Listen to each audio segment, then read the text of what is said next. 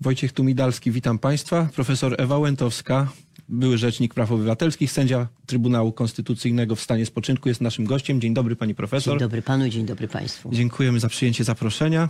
Kiedy się umawialiśmy, jeszcze nie wiedzieliśmy nawet e, w jakim terminie Sąd Najwyższy rozpozna pierwszą ze spraw, która wróciła z Luksemburga. To znaczy, by, termin był już znany i przedmiot był znany, nie było wiadomo jak się skończy. No tak. Bo mogło być różnie. Natomiast rzeczywiście w, y, piątego wczoraj y, zapadł wyrok w pierwszej ze spraw objętych pytaniami prejudycjalnymi, w których y, CUE y, 19 y, Listopada. listopada udzielił odpowiedzi. CUE zrobił bardzo ważną i mądrą rzecz. Y, Ja to tak przyrównałam trochę, że dał wędkę i teraz czy się z wędki skorzysta, czy nie. Jak widać z wczorajszego wyroku, skorzystał. skorzystano. Na czym polegała wędka? złowił? Po kolei. Najpierw- Najpierw wędka. Jaka była wędka? Wędka polegała na tym, że CUE powiedział, bo CUE się wypowiada wyłącznie o prawie europejskim i ma w tym zakresie wyłączność. To znaczy nie może na przykład Trybunał nasz Konstytucyjny wypowiadać się, prawa wykładać prawa europejskiego. europejskiego. Otóż powiedział, na czym polega standard niezawisłości organu, y, nie, nie, niezależności organu, niezawisłości sądowej, y, co się odnosiło do pozycji KRS-u i pozycji Izby Dyscyplinarnej w tym pytaniu prejudycjalnym, ale standard ma znaczenie ogólniejsze, bo dotyczy w ogóle niezawisłości sędziowskiej. Co to znaczy sędzia europejski o właściwym poziomie niezawisłości i sąd niezależny. Ważne dlatego, że ponieważ wszystkie polskie sądy i wszyscy polscy sędziowie jednocześnie są sędziami europejskimi, ten standard rzutuje na ich pozycję u nas. I CUE powiedział do połowy, jak to wygląda i powiedział, że musi sprawdzić jeszcze Sąd Najwyższy, który lepiej zna sytuację na miejscu, że musi sprawdzić dwie okoliczności.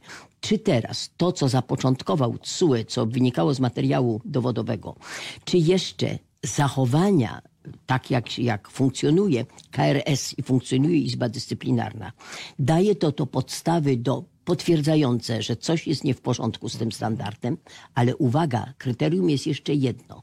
Czy te zachowania w odbiorze społecznym dają nam, publiczności, przekonanie, że mamy rzeczywiście do czynienia z organami niezależnymi, niezawisłymi sądami. I to oceniał Sąd Najwyższy To, wczoraj. tą drugą połówkę. My mamy w tej chwili skompletowany wzorzec.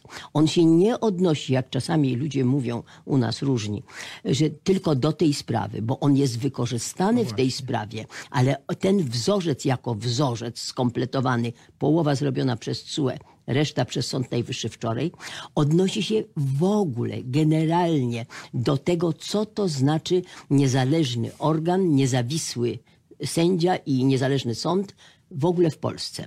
I dlatego to jest takie ważne. W związku z tym nie ten wyrok niejako promieniuje na całość ustroju sądów Czy powszechnych. także na inne izby Sądu Najwyższego, pani Oczywiście. profesor? Pytam o to dlatego, bo przecież jest w obiegu prawnym uchwała pełnej Izby Dyscyplinarnej, chyba z czerwca, która uznała, że wszystko jest w porządku, e, ma prawo orzekać. Ja- Są e, orzeczenia Izby Kontroli Nadzwyczajnej i Spraw Publicznych, drugiej nowej Izby Mhm. Sądu Najwyższego, która zmierza do uchwały siódemkowej, tak? Więc po pierwsze to, co zrobiła Izba Dyscyplinarna, no to w tej sytuacji, w której wzorzec kwestionuje w stosunku do niej te cechy, które ma sędzia europejski, no to ja przepraszam, no to ta uchwała, no jakby tu powiedzieć... Pomija całą tę część no europejską, oczywiście. tak? No więc w związku z tym, przepraszam bardzo, nie bardzo tutaj y, jest relacja. Następuje zerwanie połówki y, krajowej z połówką europejską. Więc wobec tego sędziowie Izby Dyscyplinarnej są w pewnym sensie ułomni. I to jest jedna konsekwencja. Druga konsekwencja, ta, o której pan wspomniał, Izba Nadzwyczajna, która rzeczywiście dąży do siódemki, Problem polega, Eliści, na tym, że znowu i, y, z- to, co powiedziała Izba, trójka, skład trójkowy, rzutuje również na ich pozycję, ponieważ ta Izba Nadzwyczajna też jest zaczepialna z punktu widzenia tego, że w całości została wykreowana na podstawie nominacji nowych. Pochodzącej z obecnej KRS. Tak. I w związku z tym, no ja nie powiem, że jest podejrzana, no ale w każdym razie no, jest wątpliwość co do tego, czy ten wzorzec tu, Mhm. tutaj y, nie wywierze takich skutków, zwłaszcza, że przecież są w dalszym ciągu, wiszą y, w CUE inne pytania prejudycjalne, które znacznie bliżej przybliżają nas z kolei znowu do statusu y, tamtej izby. Mhm. Więc powiem szczerze, byłoby roztropniej i rozważniej, gdyby raczej się wstrzymać tutaj no, z działaniami niejako równoległymi, dlatego że działania prawowite, sensowne, wynikające z artykułu 4 Mhm. ustęp 3 Traktatu o Unii Europejskiej, która, który to przepis zobowiązuje wszystkie organy państwa, sądy, legislatywy, legislatywy Urzędy wedle wszystkich do właściwości, tak. poszanowania prawa europejskiego.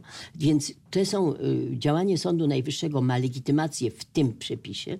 Otóż byłoby rozważniej, gdyby wobec tego te izby, które jednak mają co najmniej niewyjaśniony częściowo jeszcze swój status, by się wstrzymały No. od dalszych działań pogłębiających chaos. Mhm. Dlatego, że co by się nie rzekło, i to musi być wyraźnie Mhm. powiedziane, sytuacja po wyroku wczorajszym Sądu Najwyższego, to tak nie ma się z czego tak szczególnie cieszyć. Dlatego, że co jak co, ale chaos, który mamy w tej chwili, a który na pewno jeszcze dozna zwiększenia, o czym może jeszcze za chwilę, zresztą wykreowany nie przez sędziów.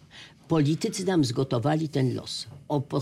Posługiwali się nierozważnie, lekkomyślnie i bez myśli o tym, co będzie dalej z artykułem 10 Konstytucji. Czyli odrębności i, jest- zasady współdziałania trzech jednak odrębnych Trzech władz. tak? odrębnych władz, władz, których się nawzajem równoważą i kontrolują. Więcej, nie poszanowano artykułu 173 Konstytucji, który mówi o niezależności sądów, Sądów. i ich niezależności od innych władz i 178, który mówi z kolei o niezawisłości, Niezawisłości sędziów. No więc trochę te trzy artykuły Konstytucji zostały potraktowane delikatnie nazwawszy w sposób lekkomyślny. No i teraz zbiera się tego owoce. Oczywiście, że chaos będzie, dlatego że następstwem, następstwem tego wczorajszego wyroku jest teraz jak się zachowa. Są dwie, dwie, dwa problemy. Po pierwsze, jest cały korpus sędziów, którzy zostali powołani na stanowiska Bogu ducha winnych. tak, no, około skądinąd. 300 osób w kraju, Tak, tak. które zostały powołane z udziałem KRS-u. Co z nimi? Nie ma- Kilkadziesiąt orzeczeń, y, tysięcy orzeczeń tak, wydanych. Około 70 No podobno. Oczywiście nie ma tu mowy o żadnym automatyzmie. Nic nie zostaje, ani CUE tu nic nie zrobił, ani Sąd Najwyższy nic Mhm. nie zrobił. Ale należy się liczyć z tym. To jest zresztą raj dla adwokatów. No tak. Dlatego, że po pierwsze, wnioski o wyłączenie sędziów Kiedy będą w przyszłości y, momencie, orzekali, kiedy wyznaczeni do orzekania w różnych sprawach. I tak. teraz to trzeba rozstrzygnąć. Zaraz zresztą Mhm. powiem, jakie stoją tutaj przeszkody, bo po problemie się piętrzą. Dalej, wnioski wznowieniowe. Ja Jeśli nie już jakieś są zakończone postępowania. Tak? Ja dam prosty przykład. Przed kilkoma dniami, już po orzeczeniu TSUE, a jeszcze przed orzeczeniem y, Sądu, Sądu Najwyższego, Najwyższego. w Izbie Dyscyplinarnej byłam obecna na tej rozprawie. Izba Dyscyplinarna w ostateczny sposób rozstrzygnęła w bardzo delikatnie, na zawsze kontrowersyjny sposób sprawę pani sędzi Czubieniak. Z Gorzowa, Moim tak? zdaniem zachodzą tutaj absolutnie przesłanki do wznowienia postępowania. Ufam, że zostanie takie postępowanie wdrożone. No ale proszę A do bardzo. kogo składać wniosek o wznowienie, pani profesor? Y, No, jeżeli chodzi akurat o ten wypadek, to tutaj, no ale to nie wniosek, bo to jest akurat mm, tutaj z urzędu może y, pierwszy prezes Sądu Naj- Najwyższego może, może działać, bo to jest na podstawie przepisów ustawy y, to jest 129 chyba. Przepraszam, tu nie jestem specjalnie y, mocna w tym, w tym ale to, to w każdym razie na pewno jest raj dla adwokatów. I teraz przecież znowu to nie znaczy, że jeżeli to się złoży, to w automatyczny sposób należy uchylić, bo kolega X czy Y był, przeszedł przez proces mm, opiniowania z Krajowej Rady Sądownictwa. Nie. Tyle tylko, że dla mnie osobiście, akurat w tym punkcie rozpościera się największa przestrzeń do najbardziej, moim zdaniem, bolesnych konsekwencji tego wszystkiego, co się u nas dzieje. Bo co to znaczy? To znaczy, że sąd, który będzie orzekał o wyłączeniu, nie tylko no powie, aha, w tej i w tej dacie to jego, jego opiniowali, ale musi się zastanowić. Jaka była kariera tego sędziego? Czy ten Czy awans nie był za szybko, za tak? szybko? Jakie, przepraszam, powiązania, osobiste kariery? Skąd się wzięło, że to akurat on wzięło awansował, a nie I tak inni, dalej. tak? Nie chcę tego szerzej rozwijać. To jest, przepraszam bardzo, znowu wbijanie klina w, w społeczność sędziowską. To jest bardzo szkodliwe. I w związku z tym, tym bardziej, że prawdopodobnie ci ludzie no, będą mówili, Matko Boska, no ja jestem zawisły. No, przecież jeżeli się zapyta jakiegokolwiek sędziego, jak się go zapyta, czy jest zawisły, on powie nie, ja Absolutnie nie. jestem niezawisły. Dlaczego jesteś niezawisły? Bo mi gwarantuje to ustawa. Ale czy ty jesteś naprawdę niezawisły? I teraz zaczyna się sprawdzanie. Od kogo zależy twoja Od kariera, kogo w zależy jakim twoja stopniu, tak? kariera? Czy rzeczywiście dajesz swoim zachowaniem dowody tego, że jesteś niezawisły? Mm. Ja przepraszam, to są straszliwie trudne rzeczy. Mm. I przypuszczam, że ci, którzy będą musieli to indywidualnie rozstrzygać, stoją w karkołomnej sytuacji. Muszą się wykazać niesłychaną ostrożnością i poczuciem odpowiedzialności, żeby nie zrobić krzywdy, żeby w jak najmniejszym stopniu uszkodzić tkankę wymiaru sprawiedliwości. I ja sobie wyobrażam, że mogą być takie sytuacje, w której te osoby gładko przejdą przez ten test poddania wątpliwość, konie, no, konieczność wyłączenia. Może się tak zdarzyć, że będzie inaczej.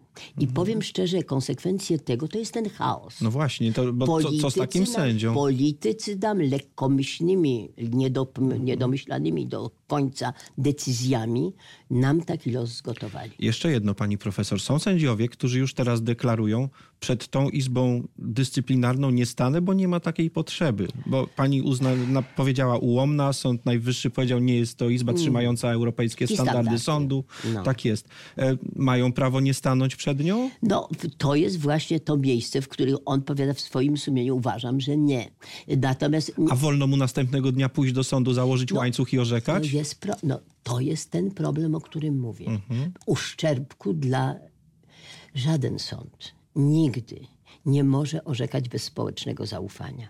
To, co się u nas zrobiło, jak powiadamy, nie sędziowie to zrobili, ale to, co zrobiono lekkomyślnie, grano czymś, co nigdy nie powinno być przedmiotem rozgrywki politycznej. Lekkomyślnie i grano autorytetem wymiaru sprawiedliwości. Ja nie chcę przez to powiedzieć, że ja uważam, że polskie sądy są cudowne w każdym No, punkcie. chyba wiemy, Nieprawda. że nie są. Wymagające ogromnych reform, kształcenia świadomości sędziów, y, uczulenia ich bardziej na to, czy oni właśnie w odbiorze opinii społecznej, to co oni robią umacnia wymiar sprawiedliwości, czy nie. W tym zakresie jest bardzo wiele znieczulicy i bardzo wiele do poprawienia. Tylko, że zwykła wymiana kadr nie załatwia niczego. No na razie mieliśmy do czynienia z wymianą kadr, Tak. akurat gdy chodzi o reformę sądów. To niestety prawda. Jeszcze jedno, do Izby Dyscyplinarnej nawrócę znowu.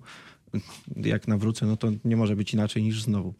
E, będą tam wpływały kolejne skargi. Czy jest jakiś y, sposób, czy w ogóle należy rozważać coś takiego jak pomijanie tej izby w wyznaczaniu kolejnych spraw? Czy tu po stronie pre, pierwszego prezesa Sądu Najwyższego jest jakiś ruch do wykonania? Proszę pana, my w ogóle w tej chwili, akurat w tym zakresie, o który pan pyta, to pan mnie pyta, jak ślepy ma iść we mgle.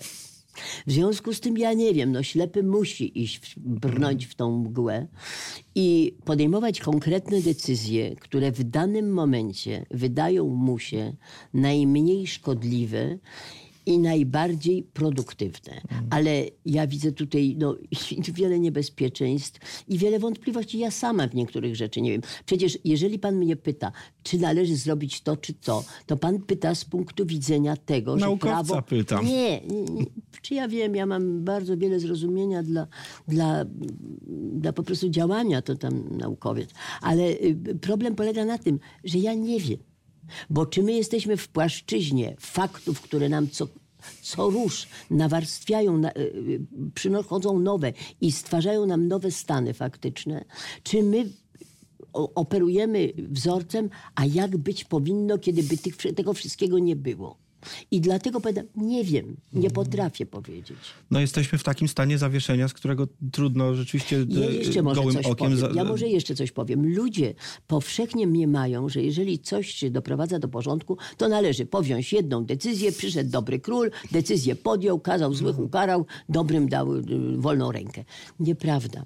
W takich sprawach my mamy do czynienia ze splątanym kłębkiem nici.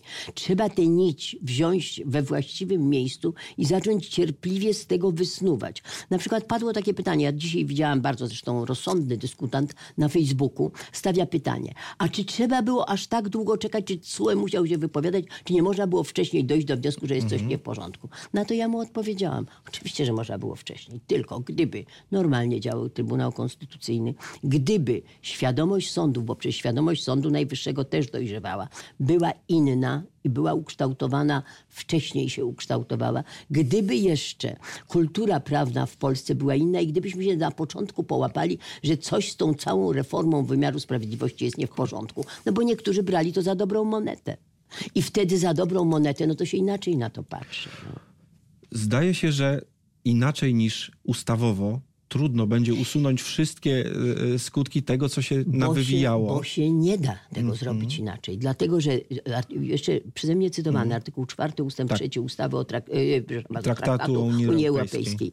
On adresowany jest do wszystkich organów. Sąd Najwyższy zrobił w tej chwili to, co mógł i powinien zrobić.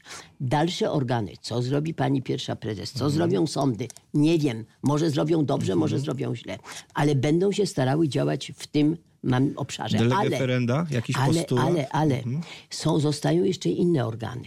O, zostaną organy administracji, egzekutywy wymiaru sprawiedliwości. No niech przynajmniej nie, nie dokładają do, do, pod ten, paliwa pod ten ogień. A druga rzecz, legislatywa są, yy, parlament. Senat, tak. Bo dlatego, że naprawy KRS-u bez tej inicjatywy nie da rady zrobić. I ja chcę zwrócić uwagę na taką jedną rzecz. Mianowicie przed kilkoma dniami grupa sędziów sądu, yy, Trybunału Konstytucyjnego w stanie spoczynku. Myśmy niestety nie zdążyli dotrzeć do wszystkich na czas, yy, którzy byli w stanie spoczynku. No to, to niestety czas gonił. Otóż myśmy wystąpili z takim listem, w którym znalazł się jeden bardzo ważny akapit, który mówił o tym, że jeżeli oby była nowa ustawa o KRS-ie, to w niej powinien się znaleźć przepis przejściowy, który zezwalałby sędziom, którzy zostali poddani yy, ocenie yy, tej KRS, która działa w tym tej 300 chwili, tym, w, tak, ogólności powiedzmy. Żeby mogli wystąpić o niejako jeszcze raz sprawdzenie ich te, te opinie, opiniowanie, które było, to swojego rodzaju autosanacja. To by przede wszystkim uspokoiło stosunki w tym zakresie, o którym mówiłem, że niebezpieczne, wyłączania, niejako mhm. trochę na zapas. Oby tak się Sędzia stało. po raz drugi zweryfikowany już mógłby się tak. nie obawiać o wyłączenie. Nie. I nie, wtedy też i adwokaci by tego nie zaczepiali. Więc tu jest droga, tylko trzeba z tego skorzystać. Od tego trzeba będzie chyba zacząć. Bardzo dziękuję za to spotkanie. Profesor Ewa Łętowska, były rzecznik praw obywatelskich, pierwszy w naszej historii sędzia Trybunału Konstytucyjnego w stanie spoczynku. Była naszym gościem. Wojciech Tumidalski. Do zobaczenia. Do zobaczenia.